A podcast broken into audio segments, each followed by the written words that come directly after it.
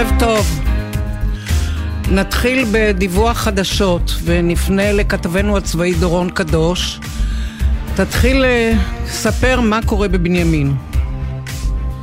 שלום סמדר, אז אה, של... בבנימין אמש תקרית חריגה אה, שבה פורעים יהודים למעשה, כ-20 במספר, הגיעו לצומת ביטין ליד רמאללה והחלו לידות אבנים וגם להבעיר צמיגים על הכביש שם במטרה לפגוע במכוניות פלסטיניות שעוברות במקום באזור של רמאללה. כשהגיע כוח של מג"ב במטרה לפזר את אותם מתפרעים, היהודים רעולי הפנים בחלקם תקפו את לוחמי משמר הגבול, ידו עליהם אבנים וגם אה, ריססו את הלוחמים בגז פלפל. היה לוחם מג"ב אחד שנפגע באורח קל כתוצאה מהתקיפה הזו של אותם יהודים, והוא טופל במקום. יש גם חשוד שנעצר, אבל צריך להגיד, אותו חשוד שנעצר שוחרר היום למעצר בית על ידי בית משפט השלום בירושלים. למעשה בית המשפט קבע שאין בידי המשטרה מספיק ראיות שקושרות את החשוד למעשים, לתקיפה של כוח מג"ב. המשטרה אמנם ביקשה מבית המשפט עיכוב ביצוע לצורך ערעור על ההחלטה, אבל בית המשפט גם דחה את הערעור והחליט שאותו חשוד ישוחרר למעצר בית. צריך להגיד, החשוד שנעצר בן 20, תושב שווה שומרון, והוא נכדו של הרב צבי טאו, הרב של ישיבת הר המור הקיצונית, וגם המנהיג הרוחני של מפלגת נועם הקיצונית. זה אולי מעיד במשהו על זהותם של אותם אה, חשודים, אותם פורעים, שגם אה, ניסו לתקוף מכוניות פלסטיניות וגם תקפו את לוחמי משמר הגבול. טוב, לא פשוט. ממש לא פשוט. בהחלט. תודה רבה. תודה.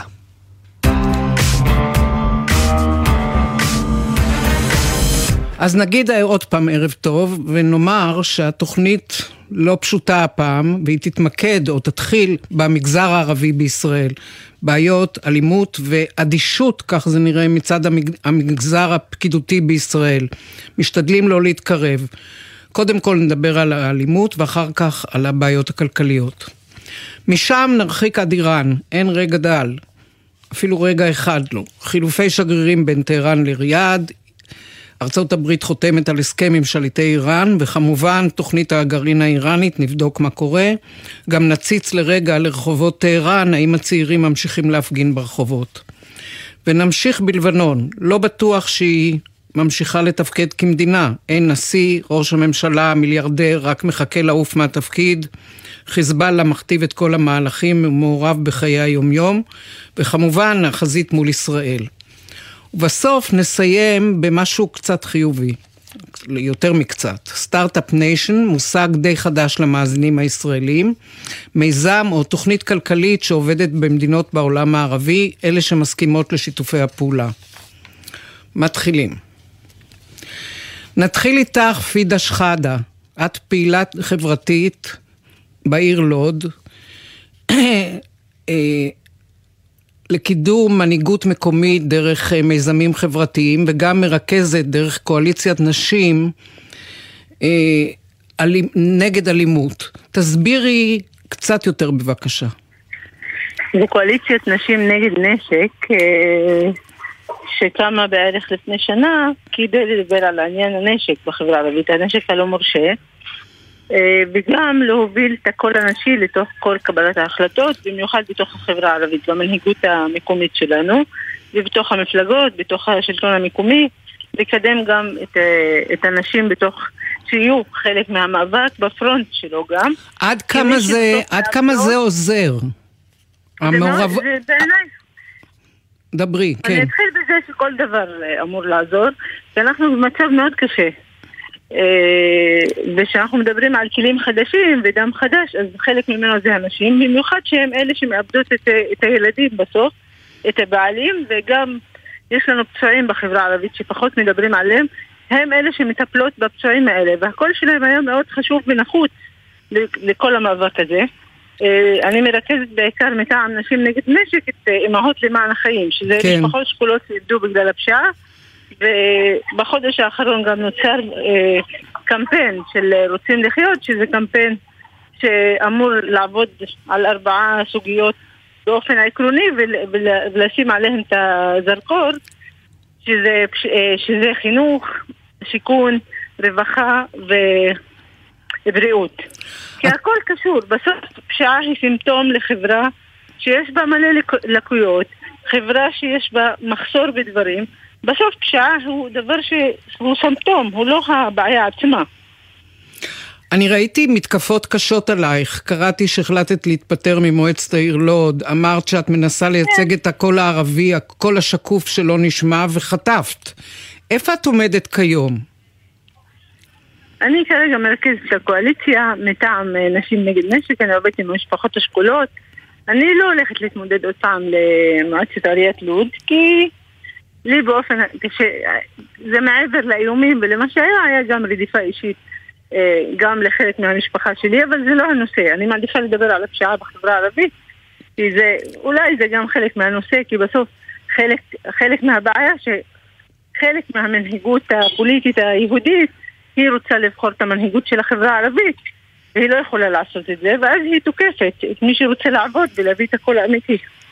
אני אבל אשאל אותך על הרצח המזעזע של מנכ"ל עיריית כן. טירה, דוקטור עבד רחמן קשוע.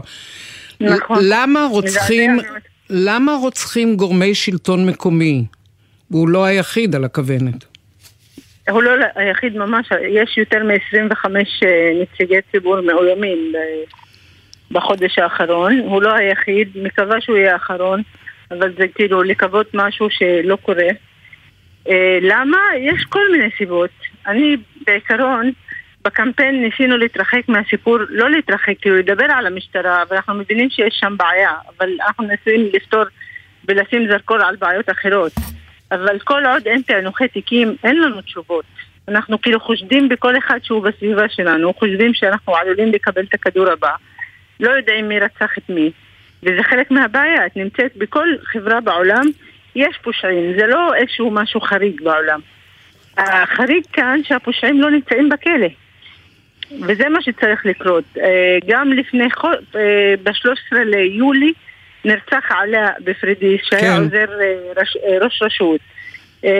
אנחנו יודעים שגזבר כבול ירו עליו, במקרה הוא בחיים. מנכ"ל קלנסווה לפני שלוש שנים ירו עליו, זה לא מש... אולי עכשיו יהיה עוצמה יותר גבוהה בגלל ההתקרבות למועד הבחירות. אז אנחנו נראה כנראה יותר איומים ויותר ירי על uh, עובדי רשות ועל ראשי רשויות. Uh, המדינה צריכה לקום על הרגליים. או, אז אני רוצה. אני רוצה באמת לשאול אותך. את מדברת על הרציחות, על, על הרשימה של המאוימים, 25 זה הרבה מאוד. יש זה לך... המון. יש... זה מה שאנחנו יודעים עליו, ויש כאלה מאוימים שלא יגידו גם, כי הם מפחדים. תגידי, יש לכם עם מי לדבר בממשלה הנוכחית? את טוענת שזאת בעיה של החברה הישראלית. אני, גם בעיה. היא צריכה, חלק מהבעיה שהחברה הישראלית עדיין לא שמה את זה על סדר העדיפויות ולא, ולא מדברת על זה כ, כבעיה של כל המדינה. הממשלה הנוכחית היא בעייתית. אה, היא אפילו את הדברים הבסיסיים כרגע לא מקיימת. אנחנו מדברים על 8% פענוחים מתחילת השנה. אה, לא היה מספר רציחות יותר גבוה מהשנה. אה, אנחנו באוגוסט ועברנו את ה-150. אה, אנחנו לא שומעים אף מילה כמעט ממי שמחזיק את, את נו, משרד ביטחון לאומי, איך שהוא קרא לו. כאילו הציוצים היחידים שהוא מעלה בטוויטר זה כל הזמן איך, הוא לתקוף, איך לתקוף את האחרים. סמוטריץ' בתקופה האחרונה רק איך לקצץ בתקציבים ולעשות ענישה קולקטיבית לחברה הערבית ולא להכניס את הפושעים לכלא. ברור לנו שיש פושעים בחברה הערבית, זה לא סוד. אה, וזה לא משהו גם חריג בעיניי. צריך פשוט לקחת אותם לכלא. ואז אנחנו יכולים לתפקד כחברה ולדבר. כל המחקרים בכל התוכניות בש... בשנים האחרונות הראו שיש פערים בין החברה הערבית לחברה היהודית. כן, אבל זה לא מצדיק רציחות, זה לא... הפערים... לא, אבל כולל, אני רק אמשיך את המשפט, כולל האנשים שיושבים במשרד האוצר אמרו שסגירת פערים היא חלק מהפתרון לבעיה. ברור שזה לא בעיה שפותרים ביום ולילה, אבל כרגע כל השרים שנמצאים בממשלה מתעלמים מכל הדברים האלה ורק חושבים איך לקצץ ואיך להעניש. תגידי, מי בעצם, ת, תניחי רגע לשני השרים שהזכרנו, מי בעצם בוקח עין עין בחברה היהוד, היהודית הישראלית בענייני אלימות? אוקיי, אז, אז הייתה ישיבה עם, אה, עם ראש הממשלה, והדרישה הייתה שהוא צריך לשים פרויקטור אצלו, מהמשרד שלו, כדי שהוא יכול לנהל תוכנית בין משרדית שיכולה לקדם את הדברים. כרגע אין שום אה, גורם בכיר בתוך הממשלה הזאת שפוקח עיניים ומנהל את הדברים בחברה הערבית, במיוחד בעניין פענוח התיקים והמשטרה. אתמול היינו בהפגנה על uh, עניין התקציבים, uh, ההחלטה של סמוטריץ' לא להעביר תקציבים לרשויות הערביות. ובהפגנה, כאילו, השוטרים רק חשבו איך, ואמרו את זה במילים, איך לטטות אותנו משם, איך אנחנו צריכים לחזור לפזורה ולהפגין שם ולא בירושלים. ואחד השוטרים אמר, אמר בצורה ברורה, אתם לא תקבלו שקל. אז אין פיקוח, אפילו להתלונן על הדברים האלה, אין לך למי להתלונן. אני וזה חלק אות... מהבעיה כרגע. אני אשאל אותך שאלה קשה, למה רוצחים? יש, יעני, זה להיכנס להמון סיבות. ברור שיש אנשים שהם, יעני, גדלו ב... תראי, 51% מהחברה הערבית נמצאת מתחת לקו העוני. זה אומר שהמון... נתון מאוד מאוד קשה. מאוד קשה. אפילו יש נתון יותר קשה, אה, של לתת, ארגון לתת הוציא את זה לפני חודש, כן. אני מקווה שאני לא טועה במספר במדויק, אבל יותר מ-20% מהתלמידים אה, בבתי ספר הם מורעבים, אין להם, הם מרגישים רעב בתוך המסגרת הזאת החינוכית, ואז הם פחות מרוכזים, ואז יש פחות כלים ופחות למידה ופחות יכולות להגיע לשוק העבודה. עכשיו, אם הורים כבר הם נמצאים מתחת לקו העוני, אז זה אומר שגם ההורים האלה פחות יכולים ללוות את הילדים שלהם, לעזור להם להתקדם ולהיות במקומות יותר טובים. אז הנתון מההתחלה שם את החברה הערבית במקום יותר כאילו נמוך ונמצאים הרבה למטה כדי להגיע למשרות ולתפקידים בכירים. וזה מה ש... בגלל זה כל התוכניות דיברו על סגירת פערים. עכשיו, למה רוצחים? באמת, אני, אני לא, לא רוצה לעודד בחיים רצח, ולא רוצה אפילו להבין למה בן אדם מחליט לרצוח אדם אחר. אבל כנראה שאנשים מגיעים לקצה בחוסר הבנה ובאלימות וביכולות המנטליות שלהם ועושים את המעשה. עכשיו, אם הבן אדם גם לא, אין לו רתיעה, הוא לא מפחד מאף גוף. يعني אתמול הרצח בטירה הוא היה ליד תחנת משטרה. כן. אה, זה לא כי עכשיו רצו לעשות דווקא לתחנת משטרה, זה כי הם בכללי לא מרגישים רתיעה. ואנחנו מדברים על הרציחות במספרים, אבל המספרים של הפצועים הר, يعني, הרבה יותר גדולים, זה פי חמש מהנרצחים. אה, אז כל הזמן יש ירי, כל הזמן אין רתיעה, ואנשים כבר, האנשים האלה שמחזיקים בנשק, לא מפחדים מאף אחד. אני אשאל אותך אה, שאלה שתעני לי עליה ממש בקיצור. אם את okay. אה, אוקיי. בודקת את המצב רוח שלך, את אופטימית, את פסימית, את, יש לך הרבה ספקות, פחדים, מה? אין לי פריבילגיה לא להיות אופטימית, זה לא, כאילו זה לא שם. אני צריכה להיות אופטימית וצריכה לעבוד, ואם לא, يعني, אם נעצור, המצב יידרדר. אנחנו חייבים לעבוד כדי להוציא את עצמנו גם מהמצב הזה, וזו הסיבה שאני עושה קמפיין כמעט ברובו המוחלט הוא בתוך החברה הערבית, כי אנחנו רוצים שהחברה הערבית תצא מהאדישות ומה... يعني, אני מבינה למה יש אדישות, כי זה יותר מדי בעיות. אבל אנחנו רוצים שדווקא הם יצאו, ויצאו לרחובות, ויצאו להפגין, ויצאו עם דרישות, ויסבירו לכולם שאנחנו נמצאים פה, וכאילו, צריך למצוא את הפתרונות. טוב, אני מקווה שהשיחה שלנו הבאה תהיה קצת קצת יותר אה, אופטימית, אולי הרבה. תודה רבה. תודה.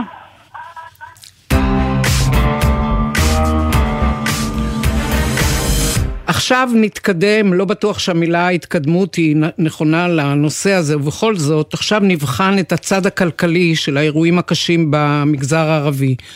ערב טוב למוחמד וואטה, דקן בית הספר למשפטים בצפת וחוקר בכיר במכון למחקרי ביטחון לאומי.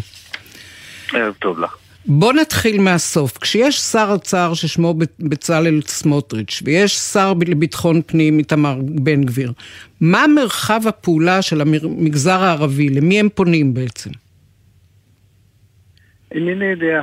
הנטל הוא על מי שנושא בתפקיד ציבורי ולא על הרשויות. מה טוב אם החברה עצמה או המנהיגים בחברה הערבית אה, אה, פועלים בהרמוניה מלאה עם אה, מי שממונים על התפקידים הבכירים האלה. כך או כך, מי שאמור למלא את תפקידו על פי חוק זה שר האוצר והשר לביטחון פנים. ולעת הזו נדמה שלא רק שלא ממלאים אה, את תפקידיהם על פי חוק, אלא שגם דאגו לתקן את חוק יסוד השפיטה, כך שבג"ץ אפילו לא יורה להם אה, לבצע את תפקידיהם. זה התיקון האחרון, מה שנקרא עילת הסבירות. והדבר מדאיג, מדאיג מאוד, מדאיג עד כדי ייאוש. תגיד, משרד ראש הממשלה יכול לשמש כתובת? יש מי שפונים דווקא... אלא מה? רגע, יש מי מה? שפונים דווקא לראש הממשלה נתניהו בבקשה לעזור כשתקציבים מועברים? התקציבים מועברים. תראי, אה, אינני בקיא בפרטים, אבל אני כן יכול אה, להניח על בסיס ניסיון העבר שיש אה, אה, אה, מה שנקרא חלונות אה, או אה, דלתות פתוחים אה, בין הנהגת הציבור הערבי לבין משרד ראש הממשלה בצורה ישירה, בצורה עקיפה, בצורה סמי ישירה וכיוצא בזה. ובמיוחד בנסיבות שבהן שני השרים האלה שהזכרת את שמותיהם אה, אה, הם בעייתיים בלשון המעטה.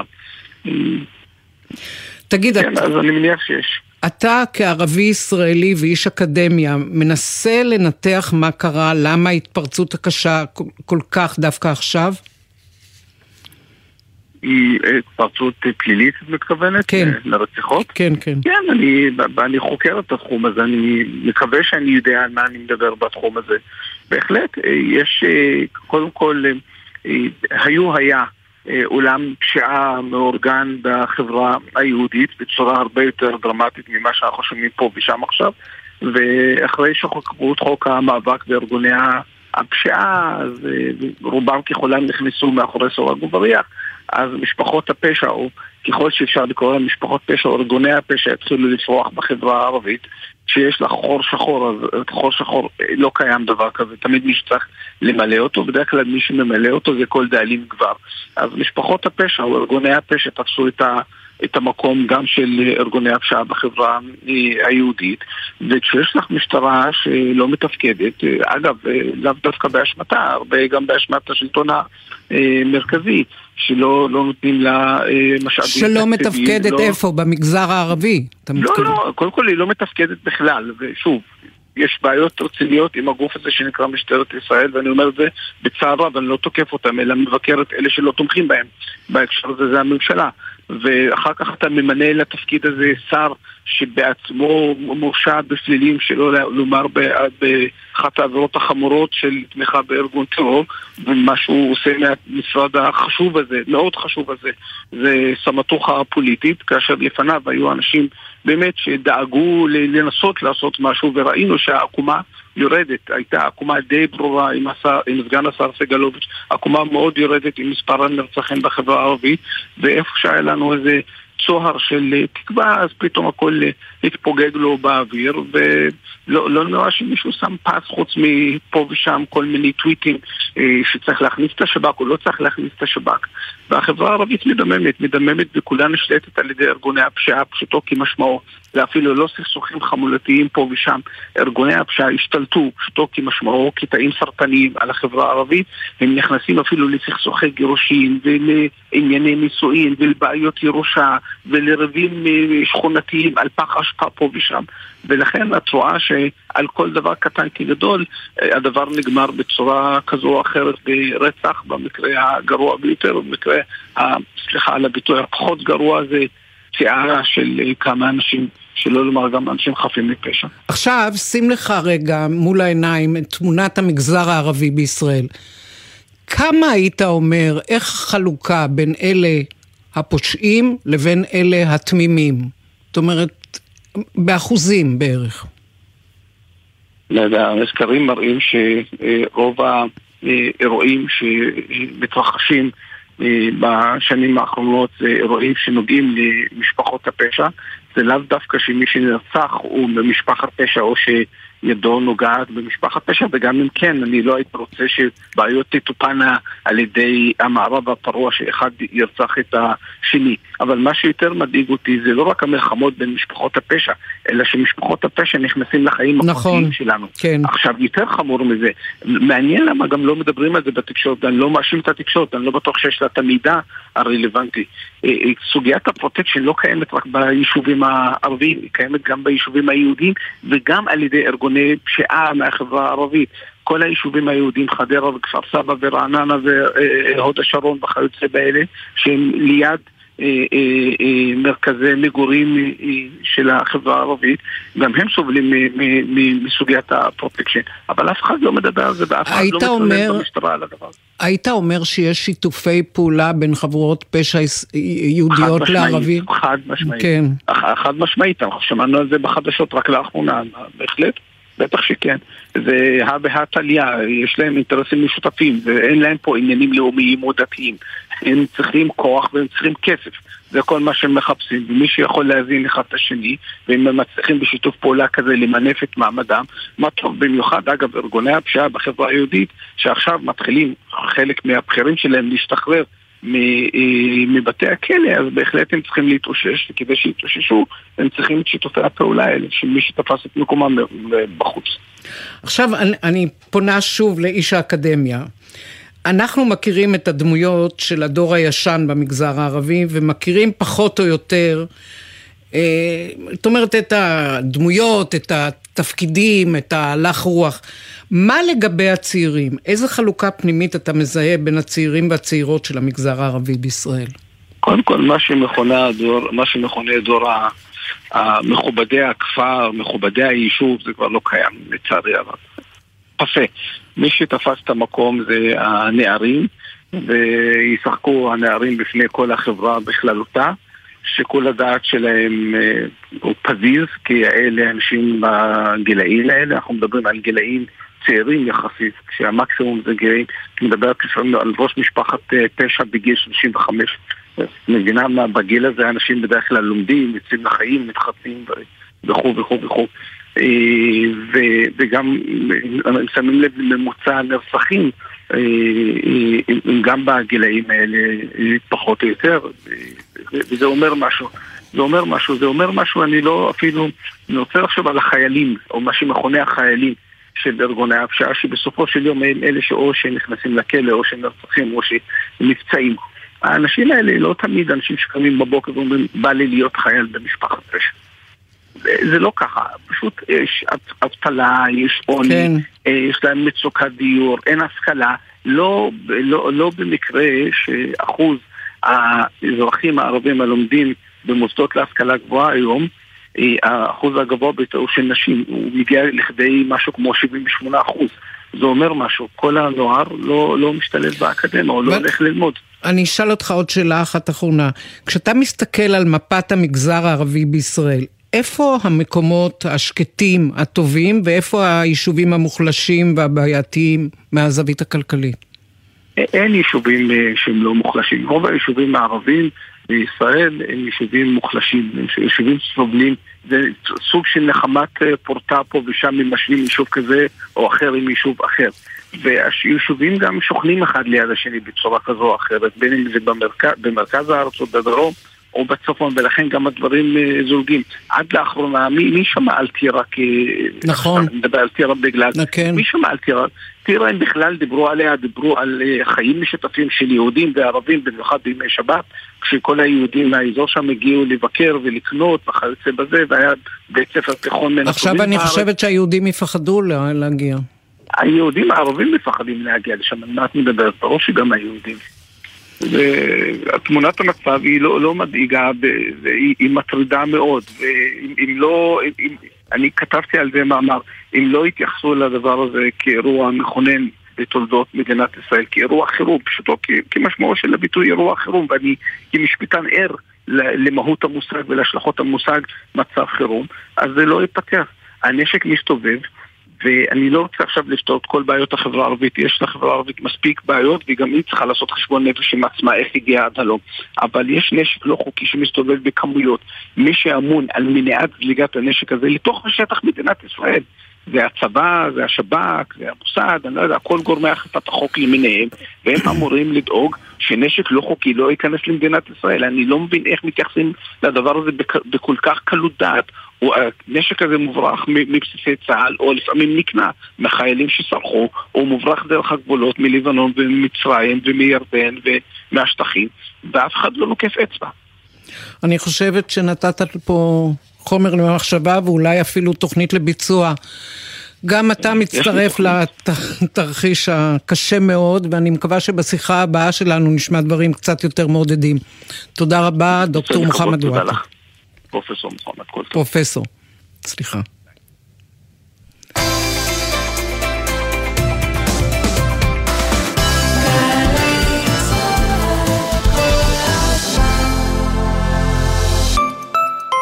אתם קולטים עובדות ועובדים חדשים בתעשייה ובהייטק. אנחנו מעניקים כמאה מיליון שקלים. אתם קולטים? הרשות להשקעות מקדמת שילוב עובדות ועובדים חדשים באמצעות עידוד העסקה ותמריצים. השנה אנחנו מעניקים כמאה מיליון שקלים במגוון מסלולי סיוע ועד 150 אלף שקלים על כל משרה חדשה. ימים אחרונים להגשת בקשות. בדקו את זכאותכם באתר.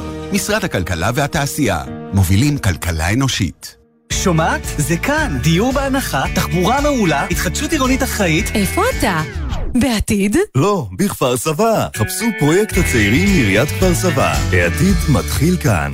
עמיתי מועדון חבר, הטבות בלעדיות על מגוון דגמי קופרה 2023. המבצע בתוקף עד 8 בספטמבר באולמות התצוגה של קופרה. פרטים בטלפון כוכבית 6331 או באתר מועדון חבר. חבר זה הכל בשבילך.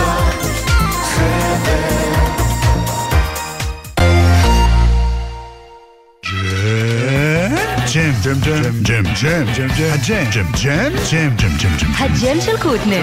בכל חמישי יואב קוטנר מארח את האומנים הכי מעניינים להופעה חיה באולפן. והשבוע אלון אבוטבול ושקד מוכיח. הג'ם של קוטנר, עכשיו ביוטיוב של גלגלצ. וביום חמישי בשתיים בצהריים בשידור בגלי צה"ל. יאה. שלום, כאן יואב גינאי.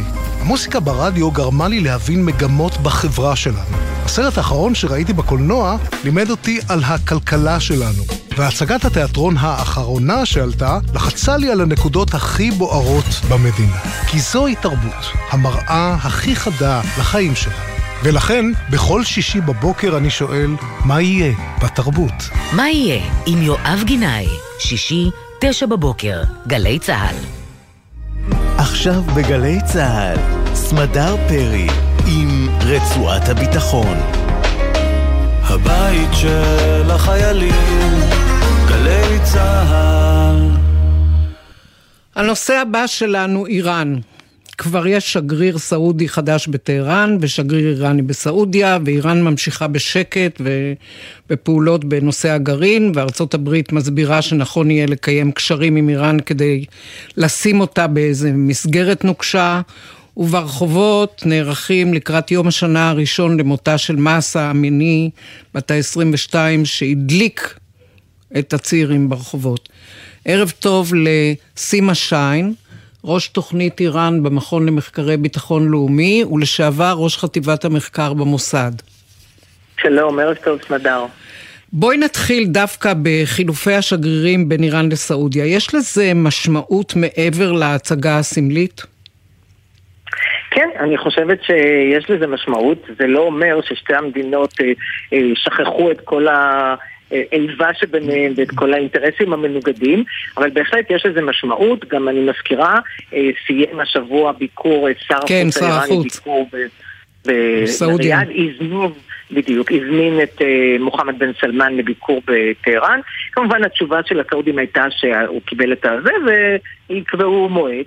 זה לא אומר שהוא רץ מיד לטהרן, הוא כנראה לא ירוץ, אבל אין שום ספק ששתי המדינות האלה, מכל אחת מסיבותיה, החליטו שמספיק אה, שנים הם אה, בניתוק, מאז 2016, ושיש להם אינטרס בנסיבות הנוכחיות של הזירה האזורית והבינלאומית לחדש יחסים ולשפר גם את היחסים.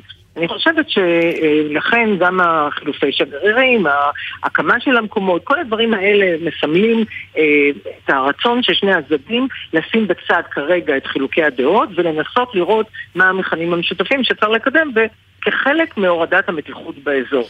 לכן יש לזה משמעות בערבון מוגבל. את הזכרת ששר החוץ האיראני חוסיין אמיר עבדאללהיאן ביקר בסעודיה, ונראה שהאיראנים מודאגים מאוד מהאפשרות שסעודיה תצעד עוד צעד אחד קדימה לעבר ישראל. עוד לא בטוח שזה נכון. קורה, אבל הם מודאגים. הם נכון. אה, לא חשבו רגע אחד ארוך, ואפילו הוציאו אזהרות לסעודים ועצות לא להתקרב לישראל. תסבירי. נכון, נכון. אה, תראי, התמונה היא יותר מורכבת מבחינת האיראנים. הנושא של הנורמליזציה עם ישראל כמובן מטריד אותם, והם אה, חזרו ואמרו שזה לא יביא יציבות לאזור, ברמז ברור, אבל אני חושבת שהתמונה היותר גדולה מטרידה אותם עוד יותר, וזה היחסים בין ארה"ב לסעודיה, כן. והאפשרות, בעצם שתי אפשרויות, אחת באמת של הסכם הגנה כלשהו, שהסעודים דורשים, כמו עם נאט"ו, עם סעיף 5, כל מדינה באה לעזרת השנייה, והדבר השני זה תוכנית גרעין אזרחית, שאנחנו כולם יודעים, והאיראנים בראש ובראשונה יודעים, שגם כשיש לך תוכנית גרעין אזרחית, היא חלק מהתהליך להגעה להחלטה לתוכנית צבאית. ולכן אני חושבת שמה שבאמת מאוד מטריד אותם זה ההבנה שאם עושים הסכם הגנה זה לא נגד אה, האמירויות וזה לא נגד אה, רוסיה, זה כנראה נגד איראן וכשעושים, אה, מתחילים לעשות תוכנית אזרחית אז הם גם זוכרים שמוחמד בן סלמן אמר שהוא, אה, שאם לאיראן תהיה פצצה אז גם לסעודיה תהיה אני חושבת שכל המכלול של הדברים האלה בהחלט, בהחלט מטריד את האיראנים. אה, ואני לא חושבת שיש להם תשובה לדברים האלה, כי אין להם אה, שום דרך להוריד את החששות של הסעודים, אחרי שרק ב-2019 הם ירו טילים וכטב"מים והשביתו חצי ממשאבות הנפט של רמקו, אז אני לא חושבת שהם יכולים לשכנע אותם, אבל הם כן בהחלט מנסים לייצר אווירה של שכנות טובה, של יחסים טובים, ולנסות להוריד את סף, סף החשש הסעודי, ואולי בדרך זו אה, למנוע צעדים שמבחינתם הם צעדים מאוד אה, מטרידים. אני חייבת לעשות הפסקה, תישארי איתי בבקשה על הקו ולעבור שוב לדורון קדוש להעביר דיווח קצר. אוקיי. Okay. סמדר, שוב, אז אה, תראי, אנחנו יכולים, יכולים לפרסם כעת כי מח"ש, המחלקה לחקירות שוטרים, החליטה לפתוח בבדיקה רשמית לאירוע הירי בראשו של פלסטיני אתמול בכפר בטא בשומרון. באירוע הזה אותו פלסטיני נפצע באורח אנוש, והסיבה שהמחלקה לחקירות שוטרים היא זו שפותחת בחקירה ולא המשטרה הצבאית, היא מאחר שהלוחמים שפעלו באירוע הם לוחמי יחידת המסתערבים של משמר הגבול, כלומר כפופים למשטרה, וזו הסיבה שמדובר במח"ש. רק נזכיר סמדר את האירוע אתמול, אירוע מעצר, מגיעים הלוחמים של מג"ב לעצור חשוד בכפר בטא בשומרון, חשוד שיש לו קשר לפיגוע שהיה בחווארה ביום שבת, ובמהלך המעצר הזה התפרעויות פלסטיניות החלו בכפר, חשודים שהתחילו לידות אבנים, בקבוקי תבערה לעבר הכוחות, והיה תיעוד פלסטיני של ירי בראשו של פלסטיני באירוע הזה, ירי שעל פניו על פי התיעוד לא היה צריך להתבצע, אבל שוב, זה ייבדק בבדיקה של מח"ש, מאחר שה... הפלסטיני לא היה חמוש, מאחר שהוא גם היה עם הגב לכיוון הכוחות והוא בכלל רץ בכיוון ההפוך אליהם, זאת אומרת לא היה נראה על פניו בסרטון שהוא מסכן את חייהם. זו הסיבה שמח"ש החליטה לפתוח בבדיקה רשמית, ואנחנו כאמור נשוב ונעדכן כשיהיו התפתחויות נוספות מהבדיקה כן, הזאת. כן, יש לי רושם שבקרוב אנחנו נשמע ממך עוד פעם. תודה רבה, דורון קדוש. ואני חוזרת אלייך, סימה שיין. כן.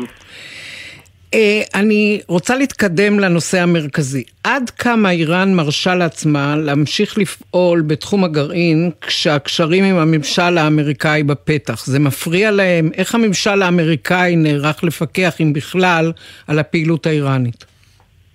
תראי, האיראנים קודם כל ממשיכים בתוכנית, כן. אבל אה, צריך לומר, אה, צריך לומר בחודשים האחרונים מתנהל שיח עקיף בין ארה"ב לאיראן בתיווך של אומן ושל קטר אה, בשתיים שלוש סוגיות. סוגיה אחת זה סוגיה של חילופי אסירים. בתחום הזה יש הישג ברור לשני הצדדים, הגיעו להבנות. ההבנות מתממשות, האסירים האמריקאים הוצאו מבתי הסוהר והם בדירות, אה, במעצר בית בשלב זה. הכסף מדרום קוריאה לפני יומיים עזב את אה, דרום קוריאה, עבר לבנקים בשוויצריה, אמור להיות מוחלף ליורו. אה, מדולר ליורו, כן. ולעבור לבנק קטרי, ושם להיות אה, אה, לשימושה של איראן לצרכים הומניטריים. אז התהליך הזה מתקדם, ברגע שהדברים לגמרי ייסגרו, גם החילופ, החילופים הפיזיים של האסירים האיראנים בארצות הברית והאמריקאים עם דרכון כפול באיראן, הם יתבצעו. אז זה דבר שיתבצע. אבל היו עוד שתי סוגיות על הפרק. אחת מהן היא כנראה סוגיה, דרישה אמריקאית אה, לריסון הפעילות של המיליציות הפרו-איראניות בסוריה ובעיראק. שפעלו לא מעט נגד גורמים אמריקאים, ובסוריה לפני כמה חודשים, חודשיים אני חושבת, היה גם אה, אזרח אמריקאי שנהרג. אז פה אנחנו רואים בהחלט בחודשיים האחרונים, כמעט חודשיים הייתי אומרת, ירידה משמעותית בניסיונות לפגוע בכוחות אמריקאים, כוחות של הקואליציה. גם אני חושבת שזה נושא שגם עלה בביקור של מפקד קוט כהני גם בסוריה, גם בלבנון וגם בעיראק. אז נראה כאילו שגם בנושא הזה יש איזושהי הבנה שבשתיקה, אה, בלי שום מסמכים כמובן. והנושא הנוסף, אה, הייתי אומרת נושא וחצי אפילו, אה, נושא אחד זה הנושא באמת הגרעין. יש הרבה דיווחים שצריך יהיה לחכות לדוח, לדוח של סבא, הסוכנות הבינלאומית של אנרגיה אטומית, לפני שנדע אם זה קורה, שאיראן הסכימה לעצור את ההתקדמות של ההשערה בתחום ה-60 אחוז. ולהישאר בערך סביב אותם uh, קילוגרמים שהיו לה לפני שהשיחות האלה התחילו, וזה אומר שאיראן בעצם מצד אחד קיבלה הכשר מהאמריקאים, חבל שזה קרה, הכשר ל-60 אחוז, מצד שני, היא אה, התחייבה לא לאגור עוד כמויות ולא להגדיל את הכמויות. מה שנקרא אשרי המאמינים. כן, לא, אז אפשר להאמין. אם, אם יש הסכמה כזאת, אני אומרת אני לא יודעת, יש הרבה דיווחים על זה, אם יש הסכמה כזאת, אז אנחנו נראה את זה בדוח של סבא. בסוף החודש הזה יתפרסם דוח של סבא לקראת אה, מועצת הנגידים של סבא בספטמבר, אנחנו נדע בדיוק כמה קילוגרמים של אורניום מועשר ל-60% יש לאיראן. בוא נגיד, זה... אה, נחמה פורטה, אין בזה שום דבר רציני, בגלל שמחר בבוקר אם האיראנים רוצים להפר, הם יכולים לקחת וא' להגדיל את הכמויות וגם להשאיר את מה שיש להם ל-20%, ל-60%. זאת אומרת, זה משהו מאוד זמני ומאוד uh, טקטי, אבל לארה"ב היה חשוב לעצור את ההתקדמות הזאת, כדי לתת uh, איזשהו uh, בלם ולאפשר את כן. הסוגיה הזאת של הגרעין, לשים אותה בצד לכמה חודשים. יש עוד איזה דיבור קטן על אפשרות שהאמריקאים העלו את הדרישה לא לספק כטב"מים לרוסיה. אה, אני בספק, ואני גם חושבת שהרוסים כבר הגיעו למצב שהמפעל שהם הקימו, שהאיראנים עזרו להם להקים ברוסיה, לייצור כטב"מים, כנראה כבר גם מייצר בעצמו כטב"מים, ואולי אפילו קצת משופרים מאלה האיראנים. בכל זאת הרוסים די, מת, די מתקדמים, הם לא היו מוכנים לעניין הזה, אבל היום שהם כבר יש להם מפעל, אז יכול להיות שיש פה איזשהו חיבור שהאיראנים צריכים פחות למכור להם, אז יכול להיות שהם גם ניסו למכור את הסחורה הזאת. אז בוא נגיד, יש דיבור בין ארה"ב לאיראן, אה, לא ישיר, עקיף, ויש בו ניסיון להורדת מתח. אבל אני רוצה להגיד עוד משפט אחד בעניין הזה, זה נכון לכל התחומים שהזכרתי, זה לא נכון למתיחות במפרץ. במפרץ יש מתיחות במים, במצרי הורמוז, ובמפרץ יש מתיחות רבה מאוד. ארה"ב הכניסה הרבה מאוד כוחות ימיים, כולל מרים, כן. כולל מטוסים, כל הדברים האלה, והאיראנים מתגרים בהם כל פעם. שולחים איזה ספינה קרוב מדי, שולחים הליקופטרים. כל הזמן יש שם פוטנציאל להסתלקולציה ולהסלמה. תודה רבה, סימה שיין. אני מקווה שבשיחה הבאה נוכל להמשיך, כי יש עוד הרבה נושאים איראנים. נכון, ש... נכון. תודה רבה.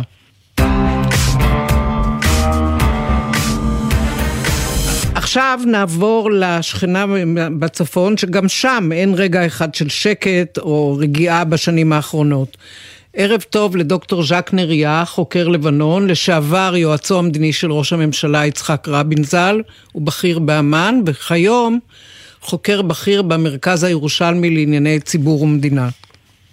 ערב טוב. אתה יודע, אני אספר לך שנפגשתי בשבוע שעבר עם מספר לבנונים שאמרו לי, הפסקנו להיות מדינה, אנחנו חיים במקום שיש בו קבוצה של עשירים וסוחרים, ויש עם בלבנון, הם מסכנים, חסרי אמצעים, וביניהם חיזבאללה ששולט במדינה, ובשוליים הצבא הלבנוני. זה תיאור מדויק בעיניך? אה, בוא נאמר, כן, זה די קרוב למציאות. בתקופה האחרונה יותר ויותר מדברים, לפחות בחוגים הנוצריים, על אפשרות של יצירת קנטון נוצרי שהוא בעצם מנותק מהרוב השיעי ומהפחד בעצם שהוא זה שמנחה את, ה, את הנוצרים מפני זה ש, שהשיעים יבלעו אותם. אז זה מדובר על זה. עכשיו גם אה, חסן נסראללה התייחס לזה כן, בנאום האחרון שלו. נכון. והוא אמר שבעצם הוא, וברור שחיזבאללה מעוניין ב-10,452 קילומטר מרובע של לבנון, ולא כלבנון המחולקת לקנטונים. הוא רוצה לשלוט בכל לבנון ולא בחלק מלבנון. אבל הדיבורים הולכים ונעשים דחופים, ובמיוחד על רקע כל מיני תקריות שקורות בשטח. כמו למשל, אדם לפני איזה שבועיים, הנציג של הכוחות הלבנונים בבנטסבל, אליאס חסרוני, חוסל, למשל, או, המשאית הענקית שבאה והתהפכה בכחלה כן. באזור הנוצרי, והסתבר שם שהיא מלאה בנשק, דבר שהפחיד בכלל את אה, אה, הנוצרים שם. ומה שהכי מעניין הוא זה שהחיצים שהופנו על ידי חיזבאללה כלפי הרשת MTV שכיסתה את העניין הזה, MTV הפכה להיות האויב הציוני, MTV הסמל שלה זה היה מגן דוד שחור כמובן, והתקפות מאוד פרונטליות כלפי הדבר הזה, כך שבעצם ה, באמת ה, ה, החיבורים שממילא שהם מאוד רופפים בין החלקים השונים של לבנון הופכים להיות יותר ויותר בעייתיים. במיוחד על רקע שלא מוצאים שום פשרה בנושא של נשיאות לבנון, בנושא של... אז באמת אני, אני רוצה לשאול אותך, איך יכולה מדינה לתפקד בלי נשיא, בלי ראש ממשלה? הפרלמנט בקושי מזהה, שרי הממשלה גם כן לא מתפקדים, ועכשיו גם כל הסיפור של נגיד הבנק הלבנוני, שאני חושבת הוותק שלו היה שיא עולמי, והוא סולק סוף סוף. מה עושה... שיא של שחיתות, כן. זה סיפורים חבל על הזמן, זה ממש הוליוודי, אבל לשאלה שלך תחזרי, סליחה, כן. מה עושה לך. האזרח הקטן שהוא צריך סיוע? למי הוא פונה? מה שקורה הוא דבר נוראי בלבנון. קרוב ל-90% מהאוכלוסייה הלבנונית היא מתחת לקו העוני. כלומר, מתחת להכנסה של שלושה דולר ליום, דבר שהוא נוראי. יש באמת שכבה מאוד צרה, מאוד קטנה של, של עשירים ושל מושחתים. אני אתן לך דוגמה, למשל, נביה ברי, מנהיג עמל, מנהיג התנועה כן. של המקופחים, מסתובב עם שעון של בשרן קוסטאוטה, שעולה 200 אלף דולר. אז למשל, כן, זה, זה, זה, זה דוגמה. או הנגיד המרכזי של, בנק לבנ... אה, של הבנק הלבנוני הצליח, הצליח לגנוב למעלה משני מיליארד דולר מתוך, הד... מתוך הכספים הציבוריים, שחלק מזה גם הוא קנה, למשל, קנה דירה בפריז למאהבת שלו, הוא הכניס לה גם לחשבון 21 מיליון דולר.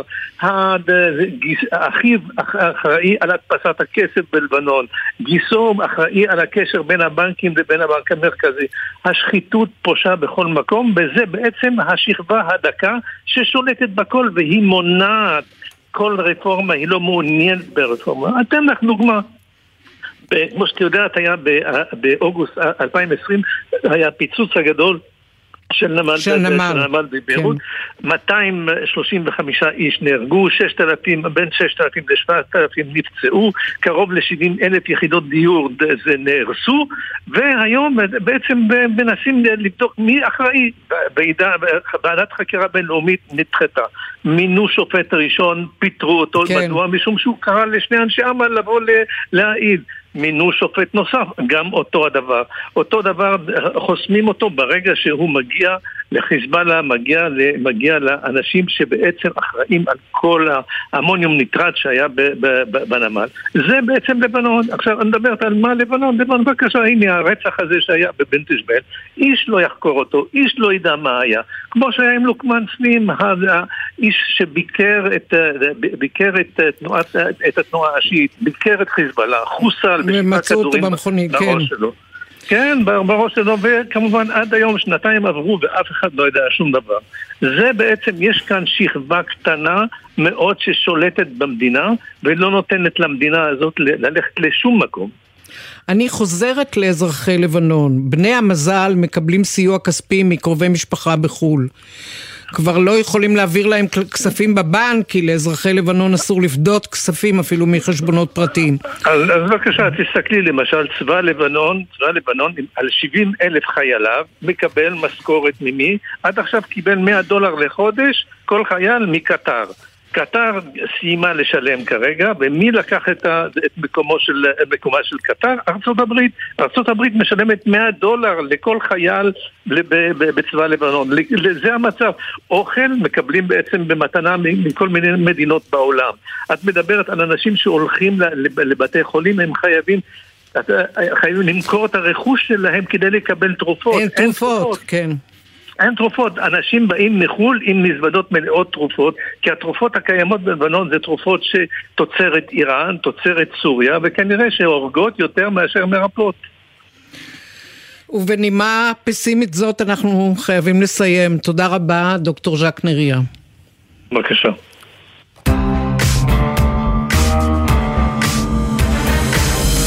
עכשיו בואו נלמד אה, או נשנן מושג די חדש למאזינים, Start-Up Nation, שהמנכ"ל שלה הוא אבי חסון. מי שהיה המדען הראשי של משרד הכלכלה וראש רשות החדשנות הראשון, הראשון לישראל. ערב טוב. ערב טוב, סמדר לך ולמאזינים. תסביר קודם כל את התארים האלה ואיך הם הובילו אותך, התארים הקודמים, לתפקיד הנוכחי. אה, תראי, הקריירה שלי בעצם פרוסה גם על הסקטור הפרטי וגם הציבורי, יצא לי להיות גם חלק מתעשיית ההייטק, אה, עולם ההשקעות, וגם, כמו שציינת, שש וחצי שנים הייתי בממשלה בתפקיד הזה. ב Start-Up Nation Central אנחנו לא זה ולא זה. אנחנו בעצם עמותה, גוף ללא מטרות רווח, אבל היום-יום שלנו מורכב מהרבה מאוד דברים שעשינו בעבר.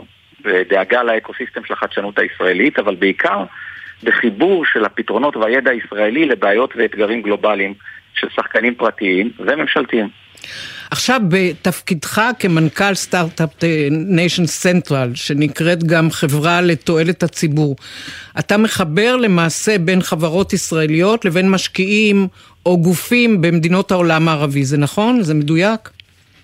אה, אחת מה, מהפעילויות המרכזיות שלנו זה מה שאנחנו קוראים לו בעצם דיפלומטיית חדשנות, Innovation Diplomacy.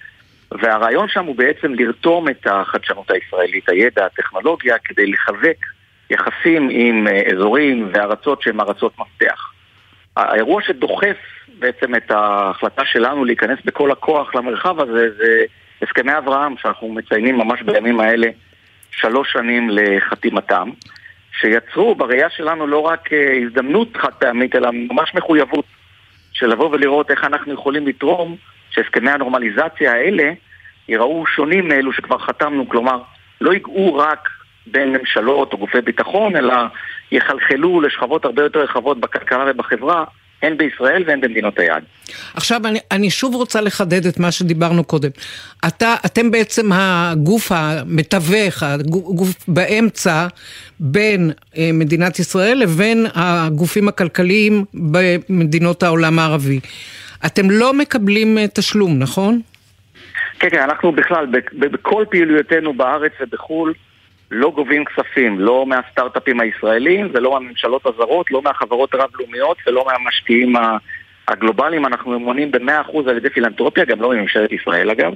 זה נותן לנו איזושהי יכולת סמדר אה, לבצע את הפעילויות שלנו וליצור יחסי אמון מאוד מאוד עמוקים. אם אנחנו מדברים למשל על העולם הערבי, אז, אז הן עם שרים, אה, ראשי אוניברסיטאות או מנכ"לים של חברות עסקיות, אה, ממש מתייעצים איתנו, כי בגלל העובדה הזאת שאנחנו גוף בלתי תלוי, מחד. זאת אומרת, הוא לא צריך לשלם לך, הוא לא צריך לשלם לך על הייעוץ.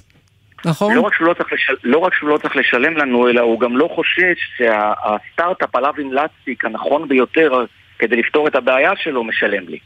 אנחנו באמת נתפסים כאיזה גוף בלתי תלוי. באילו מדינות אתם פעילים בעולם הערבי?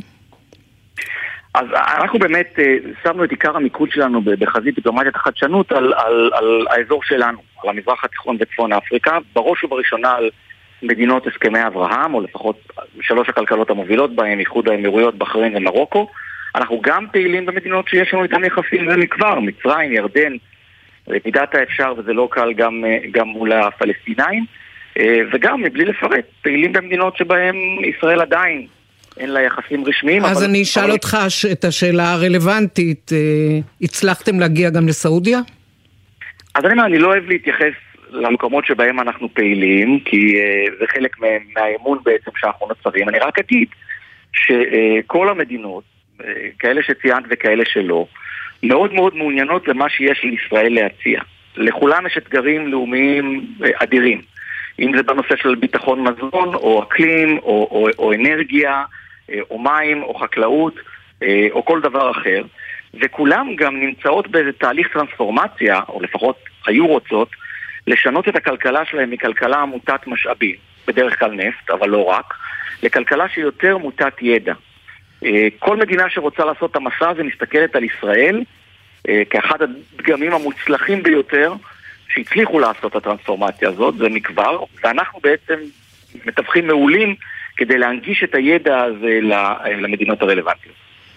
קיבלת פרס ממלך מרוקו, אני מבינה, על, הפרס על פעילותכם. איך זה התחיל, איך התנהל הטקס ומי היה בו מהצד המרוקאי?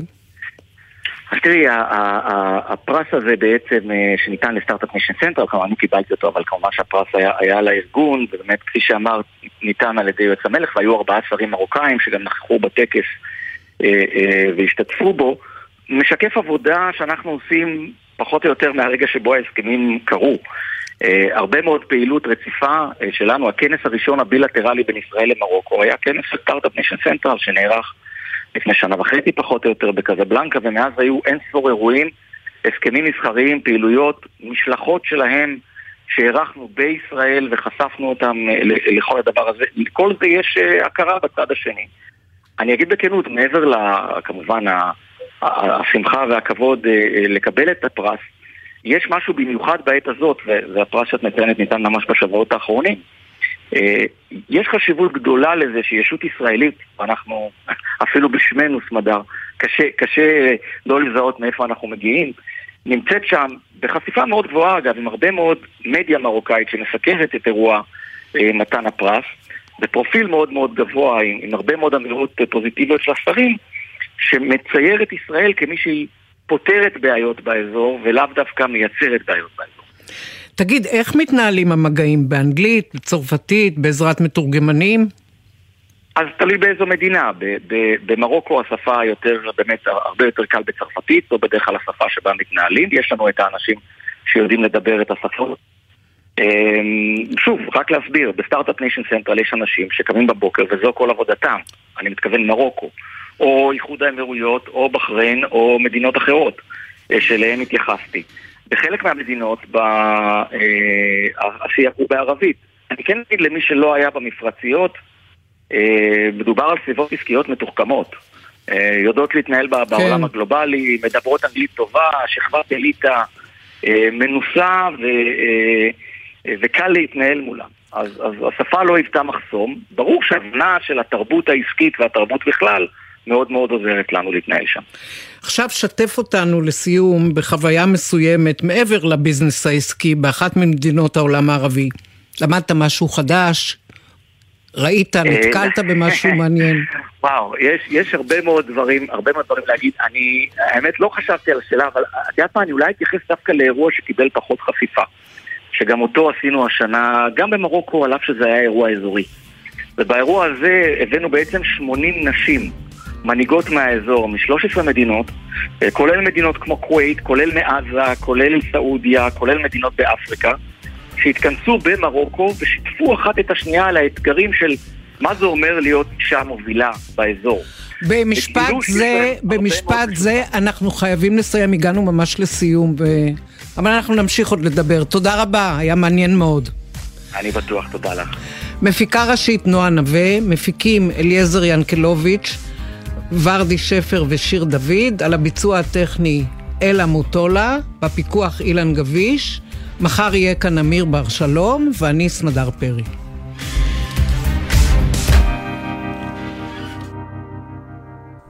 בחסות LG InstaView, המקרר בעל טכנולוגיית הנוק-נוק שהופכת את הדלת לשקופה בנקישה, שתי נקישות מכולם.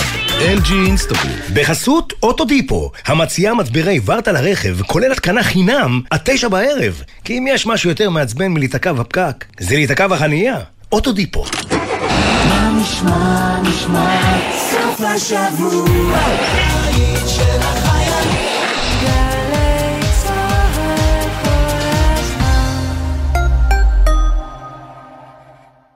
מי שגולש אחריי יודע שאני אומרת רק אמת. ואם יש משהו שאני יכולה להגיד לכם בפה מלא, הוא שהרבה יותר שווה לבלות במסעדות עם מנוי פיס. וואי, איך טעים לי. מנויי הפיס נהנים מתו נטען ב-30% הנחה לרשתות מזון ומסעדות. עוד אין לכם מנוי? להצטרפות חייגו, כוכבית 3990. תבלולו! כפוף לתקנון ולתנאי ההטבה באתר. המכירה אסורה למי שטרם מלאו לו 18. אזהרה, הימורים עלולים להיות ממכרים. הזכייה תלויה במזל בלבד. אבי, יוסיף בטיס. קראו לו גם פפו. אמא שלי שמה רחל, שחנובר. זאב וולף. ארבעה מיליון ושמונה מאות אלף שמות קורבנות השואה, שנאספו ביותר מ-70 שנות עבודה, ומנציחים את זיכרון היהודים, שהגרמנים הנאצים ניסו למחוק, מתועדים במיצג המרגש ביד ושם, ספר השמות. בואו לבקר, הכניסה חינם, פרטים באתר יד ושם. תודה לך, אדוני הפיל, תכף נשמע גם מה יש לג'ירפה להגיד בנושא. רגע, מה? תגידו, הוא מורדו. הר מורדר. מה זה? ועכשיו בארמית. ארמית? אני לא אעלה... אני לא מאמין! עמית נעלם! כפיים לקוסם קדברה! מה, מה, מה, מה, מה, מה, מה, מה? אתם לא חייבים להבין כדי שלא תרצו להפסיק לשמוע. פשוט קפצו למים. קופצים ראש. עמית קלדרון ויונתן גריל, בתוכנית כמו שעוד לא שמעתם ברדיו. חמישי, תשע בערב, גלי צה"ל. גלי צה"ל בפסטיבל ירושלים מזרח ומערב. תזמורת ירושלים מזרח ומערב מארחת תחת כיפת השמיים את אסתר עדה, אשתר, אלני ויטלי, ולרי חמתי ולינט במופע חד פעמי. ניצוח בניון מוזיקלי מאסטרו תום כהן. ראשון, שמונה וחצי בערב, בריכת הסולטן, ובקרוב בגלי צה"ל. מיד אחרי החדשות, ענבר פייבל.